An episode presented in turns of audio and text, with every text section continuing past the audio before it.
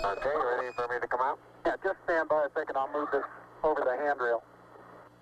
Þegar 15 mínútur voru liðna frá því að Neil Armstrong var fyrsti maðurinn í sögunni til að stíka fæta á hann hnött, var komið að Buzz Aldrin að marka sín spór í rikið. Á meðan Neil kom sér fyrir við hlið tungferunar, tilbúin að taka myndir af Buzz koma út úr erðninum, kröp Buzz á kné og skreið hægt og rólega aftur og bak út um lúuna. Buzz tók sér stöð á pallinum, Okay, hallaði lúunni All right, that's got it. Are you ready? all set. og gætti þess að læsa þó ekki óvart úti.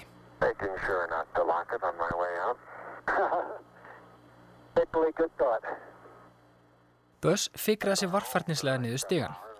Hann staðnandist í neðsta þreipinu og leti síðan falla niður á tunglfjöri fótinn og meðan hann ríghjælt í handriðið. Til að ganga á skugga um að hann kæmist upp aftur, hoppaði hann aftur upp í neðsta þreip stigans. Buzz var með fyrring í maganum. Ekki aðeins við því að fá að stíga fæti á hann nött, heldur var allur heimurinn að fylgjast með honum í betni útsendingu. Þú, hlustandi góður, kannast kannski við það að þegar maður verður stressaður eða stressuð, verður manni stundum mála pissa. Buzz Aldrin var eins. Buzz stóð á tunglferjafætinum, stressaður og í spring og horfði yfir tegnalegt en eðilegt yfirbúr tunglsins. Beautiful view. Isn't that something? Magnificent sight out here.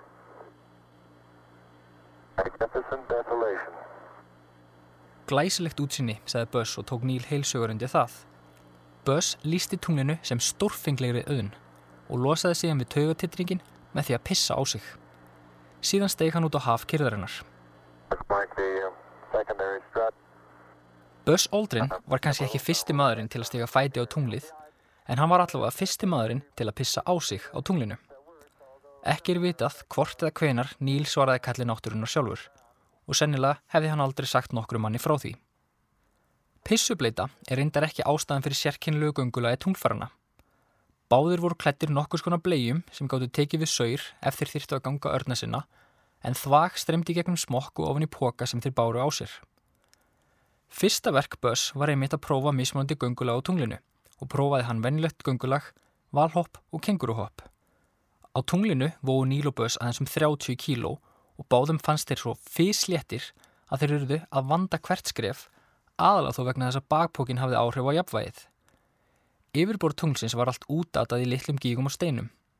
Á tunglinu var nöðsynlegt að huga næstu fjórum eða fimm skrefum til að minnstiga sig ekki. Ekki bætti heldur úr skák að í geimbúningnum var erfitt að sjá það sem var næst fótumanns. Næsta verk á dagskrá var að ofinbera skjöldin á fæti tunglferðunar. Níl og Buss stóðu hliði hlið og lísti Níl skildinum. For those who haven't uh, read the plaque, uh, we'll read the plaque that's on the front landing gear of this lamb. There's, two hemispheres, one showing each of the two hemispheres of Earth. Underneath it says, Dear men from the planet Earth, first set foot upon the moon, July 1969. AD. It came in peace for all mankind. It has the, the crew members' signatures and the signature of the President of the United States. Eftir um 45 mínútur á yfirbori tunglsins áttu Níl og Buzz að draga bandarinska fánan að húni. Fánin var geimdur á fæti tunglferðunar, samanbrotin á samt fánastönginni sem skiptist í eina lóðréttastöng og aðra lárétta, nokkurn veginn eins og ell á kvolfi. Fyrir leðangurinn fannst Níl að fánin ætti einfallega að kvíla eins og fáni á leiknum degi, í stað þess að vera útréttur eins og á vindasumum degi, en það var engin vindur á tunglinu. Láréttastöngin átti að halda fánanum útréttum svo hann liti betur út á myndum og í sjónvarpi. Tíu metra frá erninum stungu þeir fánastönginu ofan í tunglið. Þeir hafðu aldrei æft sig í að flagga og reyndist verkið mun tímafrekara og erfiðara en nokkur hafði ímynda sér. Á meðan þeir glimtu við fánan hafði Houston samband við Michael Collins í Kolumbíu og frætti hann um gangmála. Houston, Columbia, on high gain, over. Columbia, this is Houston reading you loud and clear over. Yeah, this is Houston reading. Yeah, radio loud and clear. How's it going? Roger, the EVA is progressing beautifully. Uh, I believe they're setting up the flag now.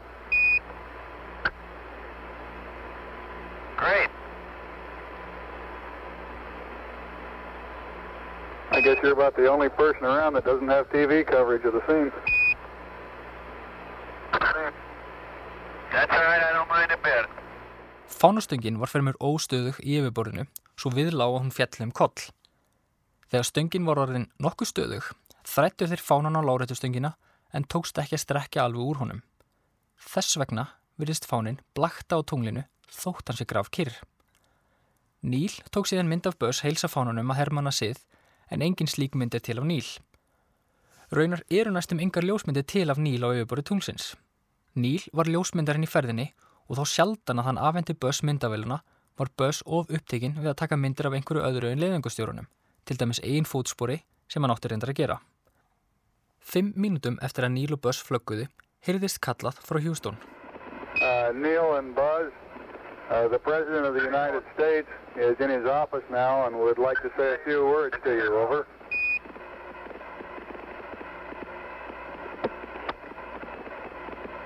That would be an honor.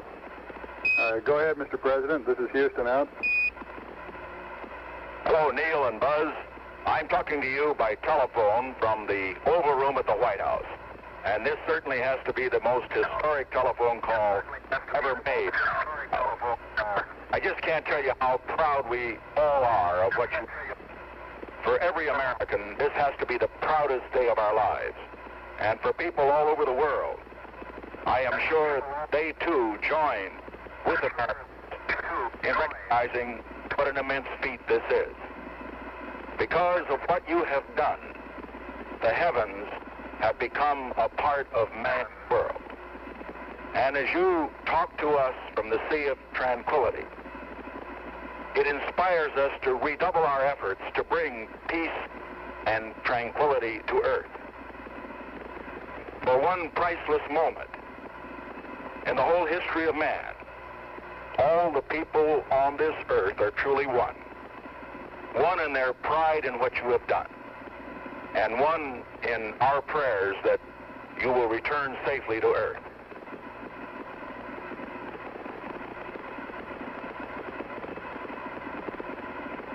Thank you, Mr. President.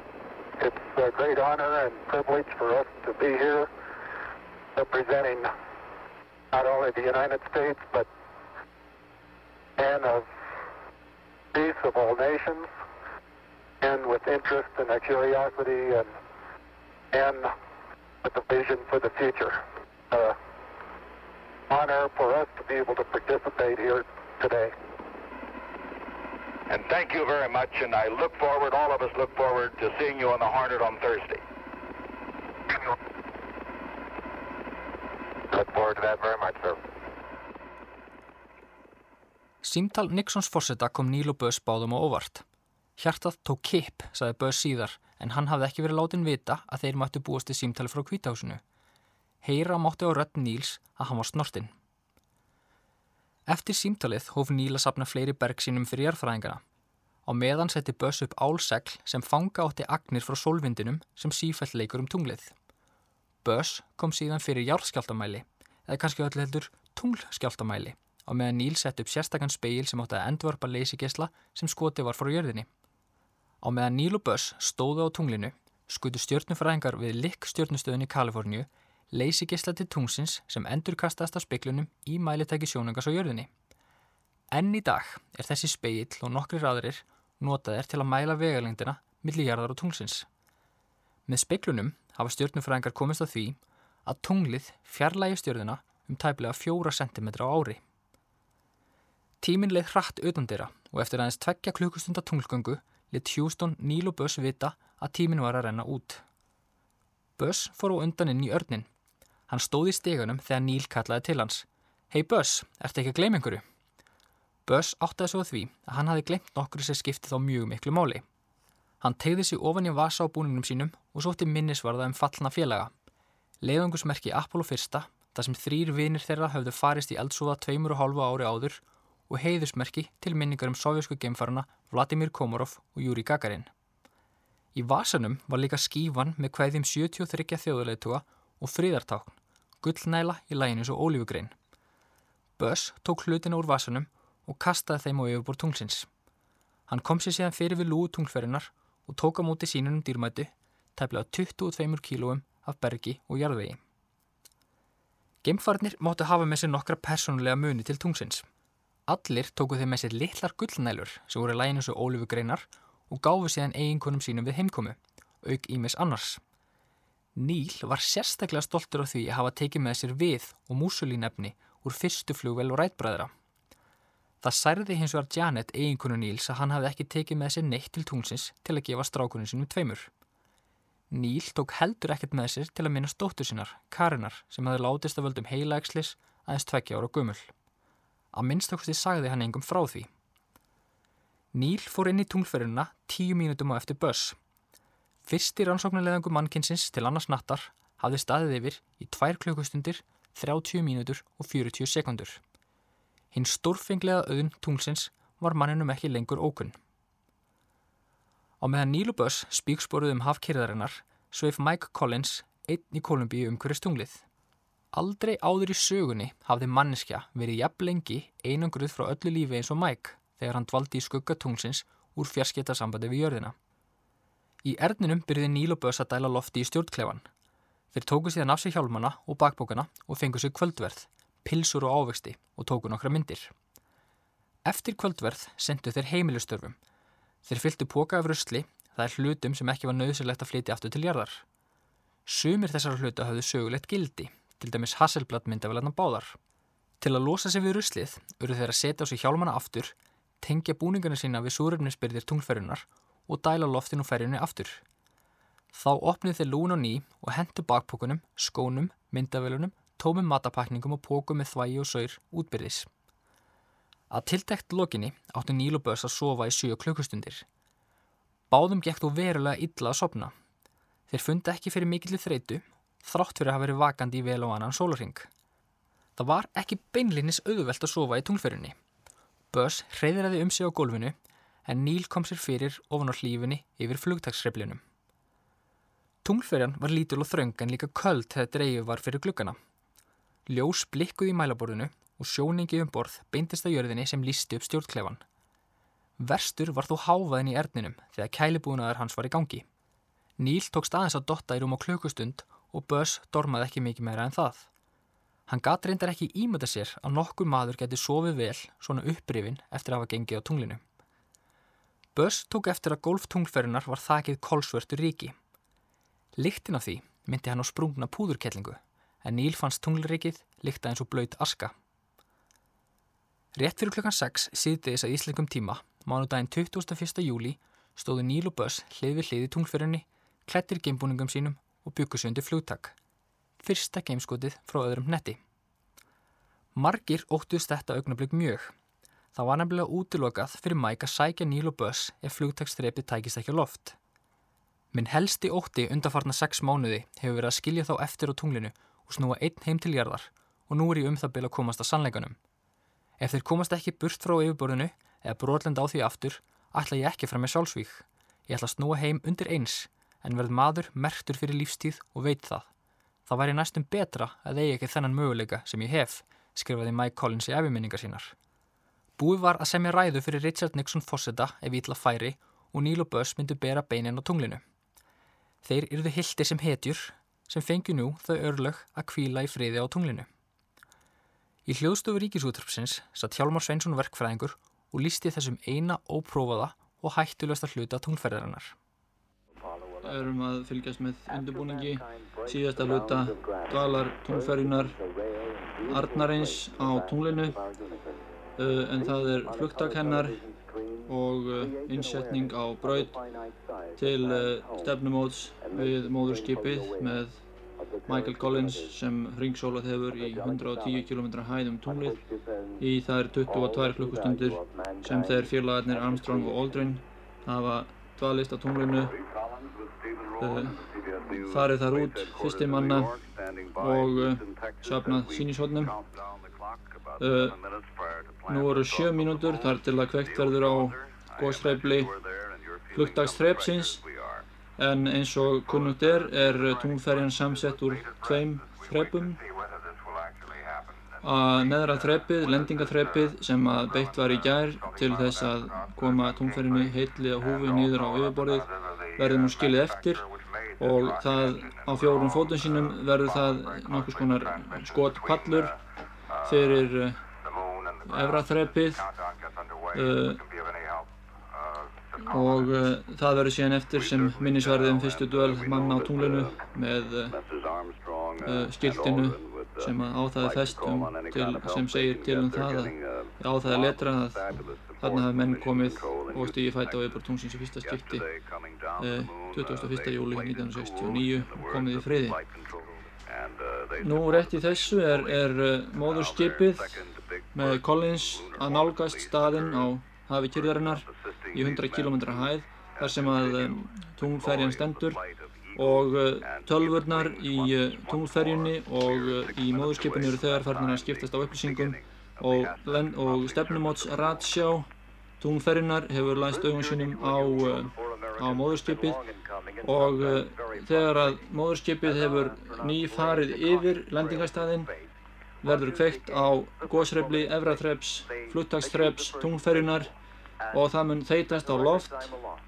Þráðbeint upp fyrstu 14 sekundunar síðan verður því komið að setja á það 15, 57 gráðu halli og næstu 7 mínútnar verður hreyfillin að ganga til að koma þeim á fyrirhauðabraud en þó er rétt að geta þess að uh, það er nægilegt að hreyfillin gangi í um það byrj 1,5 mínútu en þá munu þeir félagarnir komast á lágmarsk braud um tunglið þar sem að Collins getur síðan komið niður í móðurskipinu og náð þeim uh, haft stefnumóti við á tengt og náð þeim aftur yfir í stjórnfarið. Ef þeir ekki geta skotið sér á loft innan 8 mínútna frá fyrirhugum tíma verður að fresta skotinu í 2 klukkstundir þar til að móðurskipi kemur umhverfis tunglið á ný og ný, ný fluttastilraun getur hafist. 10 sekundur segður 9, 8, 7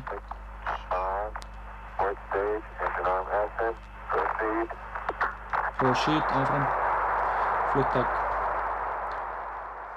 Flugtakið frá tunglinu var ger ólíkt geimskotinu frá jörðinni.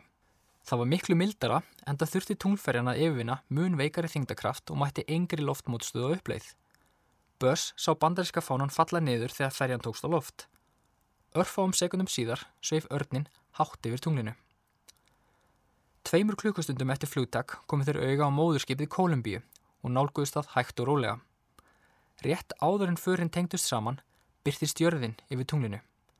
Mike sótti myndavölinni snarasti og fangaði þetta magnaða augnablík á fræga mynd. Örnin, tunglið og jörðina í kolsvörstum himmingeimnum. Allt mannkinni saman á einni mynd að ljósmyndarunum undanskildum. Örnin tengdist Kolumbíu fjórum klukkustundum eftir að hafa yfirgefið haf kyrðarinnar. Þegar Níl og Böss opniðu lúuna tók Mike skælbrósandi og gladur á mótið þeim. Böss kom fyrstur í gegn og ætlaði Mike að gefa honum rempingskoss á ennið en hætti við og tók skömmustulegur í höndin á honum í staðin. Þreimenningarnir fluttu kassana með tunglsínunum dýrmætu úr erninum í stjórnfarið, auk filmana og öskugráu geimbúningana og kvöttu síðan örnin í síðasta sinn. Þegar lúni hafi verið lokað aftur ítti Mike á takka sem losaði örnin frá Kolumbíu. Örlug hans voru að falla niður á tunglið og mynda þar gíg, minnisvarða um sjálfan sig um ókomin ár. Aðfarnútt þriðdagsins 22. júli ræsti Mike eldflög Kolumbíu sem jók hraða nægilega mikið til að þeir losni úr þingdasviði tunglsins. Apollo 11 var á leið heim. Vilmundur Gilvason, fréttamaður ríkisútvarpsins, rætti við nokkra nabtógaða Íslendinga um tunglferðina, þar á meðal Gunnar Gunnarsson Ritthöfund. Þá hittum við í dag Gunnar Gunnarsson Ritthöfund að heimili hans og við fengum að spurja hann hvernig varð yður við þegar þér fenguð svo að lokum fréttir um það að menn væri færðin að spíkspora á tunglinu. Fæstum er það ímyndrafl gefið að geta átt að sé í sviphending á því sem þarna hefur gerst og er að gerast. Ef að mannkindin hefði viti kolli þá ætti það eitt að uh, sjá myndir af jarðnettinum uh, utan frá mánastöðinni að geta sameinað mannkynnið eða í það minnst að hafa þau áhrif. Annað er það að þarna hefjast uh, vísindaransóknir sem uh, oflangt yfir upp að telja, ekki síst um, út um geiminn, víðan geiminn, þar sem að verða möguleikar til aðtugunar sem ekki er til hér á jörðinni.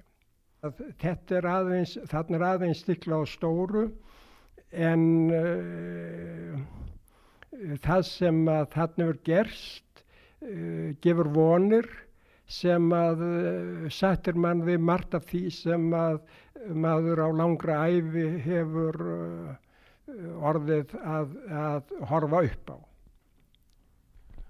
Og þér Gunnar hafið trú á því að þetta spór sem stíð var í nótt það muni auka frið á jörðinni en ekki sundra þjóðum heims. Ég skil þá ekki mannkynnu ef, ef, ef, ef að það ekki gerur það. Mér finnst að þetta, mér finnst að það sé jafnvel uh,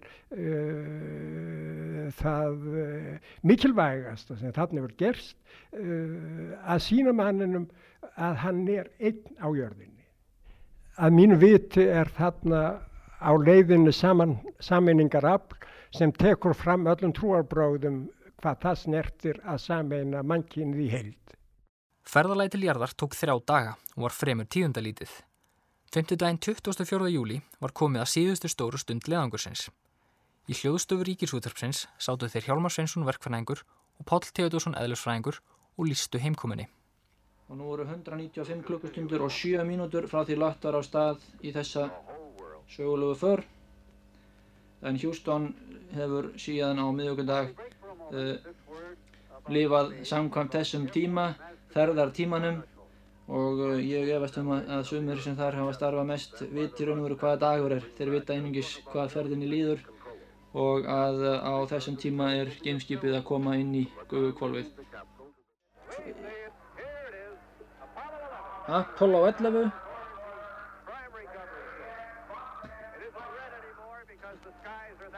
Þeir segja sjá það. Þeir segja sjá Apollo 11 fyrir ofan skí, rétt beður í skí og það verist alltaf að gengi vel.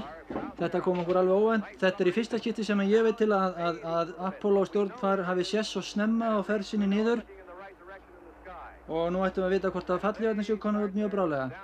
Og seg, þeir segja það að það verði ennþá einu sinni hægt að sjónvarpa beint frá síðasta hluta svifsins nýður á yfirborðið Jú, Apollo 11 er komið í auksín. Þeir hafa komist heil og höldnu í gegnum hættulegasta hluta ferðarinnar. Já, þeir segjast hafa séð síðustu sekundunar af, af þessu, þessu logandi hérna, innflugi, séð eldtungurnar frá gameskipinu í morgunrökkrinu. Þetta er í fyrsta skipti sem að slíkt hefur sést og það er áræðanlega verið stórkostlegt að sjá þetta á, á sjónvarpinu frá flugvélaskipinu. Logandi stjórnfarið koma inn og vita það að inn í þessu eru þrýr geimfararnir. Þeir eru Armstrong, Aldrin og Collins heilir á húfi og rétt bráðlega muni fallífarnar opnast og þeir svífa niður á haflötin yfir Kirrahafi í auksín frá flugvélaskipinu Hornet Já, nú ættu bremsufallífarnar að vera konar út og, og hinnar fallífarnar ættu að opnast núna akkurat klukkan 16.44 og klukkan 16.49 er áallega að koma í sjóin. Þetta verðist ganga mjög vel, alveg sérstaklega vel, þessi lending eins og allt í þessari ferð. Það hefur engjent þessa ferð alveg út í gegn að það hefur engin bílun orði sem hefur valdið neinum áhyggjum.